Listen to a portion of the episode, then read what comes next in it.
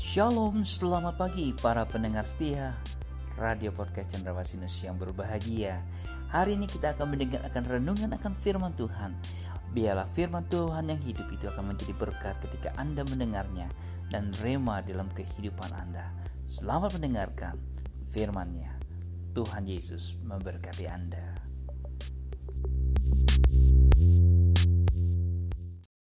Shalom, selamat pagi saudara-saudaraku yang kasih dalam Tuhan Yesus Kristus. Apa kabarnya? Tetap sukacita, penuh damai sejahtera dari Tuhan kita Yesus Kristus. Bertemu lagi dengan saya Pendeta Aris Setiawan Rusli. Dalam renungan pagi, hari ini kita akan mendengar tentang harta yang terpendam. Matius 13 ayat 44 sampai 46.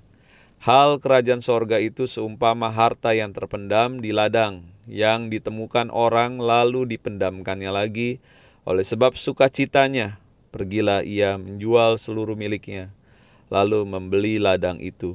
Demikian pula hal kerajaan sorga itu, sumpama seorang pedagang yang mencari mutiara yang indah, setelah ditemukannya mutiara yang sangat berharga, ia pun pergi menjual seluruh miliknya, lalu membeli mutiara itu. Puji Tuhan. Saudara, setidaknya ada dua perumpamaan di sini yang saudara dengar, ya yang sama kurang lebih intinya. Saudara bersyukurlah di dalam perumpamaan kerap kali kita diberikan firman Tuhan.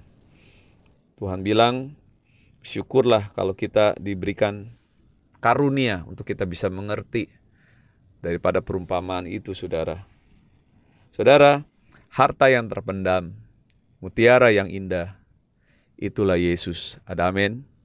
Saudara, Yesus adalah harta yang terpendam itu mutiara yang sangat berharga itu. Yesus begitu berarti, melebihi harta yang ada di dunia ini, saudara. Di dalam Yesus tersembunyi segala harta, hikmat, dan pengetahuan. Saudara, jadi betapa luar biasanya. Kalau kita memiliki itu, maka yang lain tidak ada lagi artinya. Yang lain tidak dapat dibandingkan, saudara. Oleh sebab itu kita harus sungguh-sungguh mencarinya, seperti mencari perak, mengejarnya seperti mengejar harta terpendam, maka kita akan memperoleh pengertian tentang hidup takut akan Tuhan dan juga pengenalan akan Allah yang lebih lagi. Mari kita mau terbuka hati kita dan juga bersyukur. Sebab harta yang terpendam itu adalah Yesus yang ada dikatakan tadi harta terpendam itu sebuah ladang. Ladang yang tidak terkunci, ladang yang terbuka. Saat-saat ini berita tentang Yesus terbuka untuk siapa pun, melalui media apa pun. Pemberitaan firman Tuhan terbuka untuk siapa pun. Tinggal bagaimana respon kita. Apakah saudara sudah menemukan? Apakah saudara sudah melihat dengan mata iman bahwa Yesus adalah harta yang terpendam itu? Yesus yang adalah mutiara yang sangat berharga. Wah, luar biasa sekali saudara. Di dalam dia kita sungguh-sungguh menikmati satu kehidupan yang luar biasa. Dia penolong, dia Immanuel yang beserta dengan kita. Bukan hanya sampai saat ini, tapi sampai selama-lamanya. Dan dia juga juru selamat kehidupan kita. Dialah jalan, kebenaran, dan hidup. Saudara, dia menyatakan itu kepada kita. Dia menyatakan dialah kebenaran itu. Saudara, Sebab itu saya mau katakan, kalau saudara belum memiliki harta yang terpendam, maukah saudara miliki Yesus hari ini dalam hidupmu? Kalau engkau sudah memiliki harta yang terpendam itu dalam hidupmu, yaitu Yesus, maka saudara harus bersyukur. Jangan saudara mengeluh, jangan saudara bersungut-sungut. Saudara sudah ada Yesus. Yesus adalah harta yang sangat berharga. Dan lebih lanjutnya saudara, dalam perumpamaan itu dikatakan, bahwa mereka yang menemukan harta yang terpendam itu ataupun mutiara yang sangat berharga itu, saudara, mereka rela menjual segala harta miliknya. Jadi betapa sangat berharganya sehingga apa yang dimilikinya, saudara, seperti tidak ada artinya. Rela dijual, rela dilepaskan. Untuk apa? Untuk mendapatkan harta yang terpendam tadi, yaitu Yesus. Dalam perumpamaan yang lain atau ada kisah yang lain, saudara, ada seorang yang kaya, dia bertanya kepada Yesus, saudara, apa yang harus aku perbuat untuk memperoleh hidup yang kekal? Singkatnya Yesus berkata, bagikanlah, jualah, bagikanlah harta milikmu itu kepada orang miskin. Dan apa yang diperbuat oleh orang kaya itu saudara? Dia tertunduk, dia lesu, dia tidak bisa membagi-bagikan hartanya, menjual hartanya untuk orang miskin. Dia tidak rela. Saudara kita lihat, orang kaya ini ingin hidup kekal. Tetapi dia tidak mau menjual hartanya. Yesus adalah harta yang terpendam tadi. Untuk kita memiliki harta yang terpendam tadi, kita harus berpisah dengan apa yang kita miliki.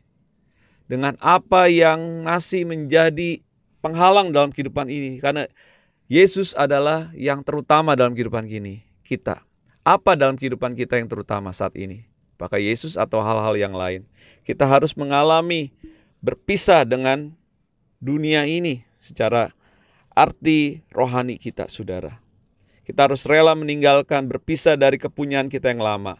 Oleh sebab itu Rasul Paulus katakan, apa yang dahulu merupakan keuntungan bagiku sekarang kuanggap rugi karena Kristus. Malahan segala sesuatu kuanggap rugi karena pengenalan akan Kristus lebih mulia daripada semuanya itu saudara. Itulah kita, itulah keadaan kita saudara. Kalau hari ini saudara belum bisa melihat bahwa apa yang saudara sudah terima di dalam Tuhan Yesus itu lebih mulia dari segalanya, mari kita mau merenungkan kembali firman Tuhan ini. Mulai mengucap syukur, Tuhan saya bersyukur, saya punya Engkau. Saya punya Engkau yang melebihi segala-galanya, yang dunia ini tidak bisa berikan. Saya bersyukur. Dan kalau ada yang merintangi hari ini, lepaskan rintangan itu di dalam nama Yesus.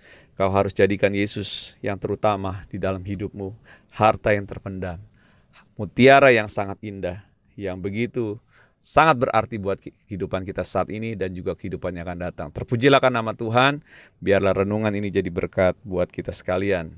Shalom, Tuhan berkati.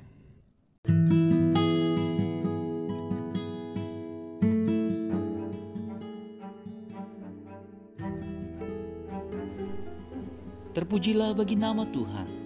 Melalui renungan hari ini, Anda diberkati Tuhan. Dalam suka maupun duka, di atas gunung atau di lembah, dalam tangis ataupun tawa, dalam berkat maupun percobaan. Tuhan Yesus selalu ada di sana, menemani dan tak pernah meninggalkan Anda. Sampai jumpa. Tuhan Yesus memberkati Anda.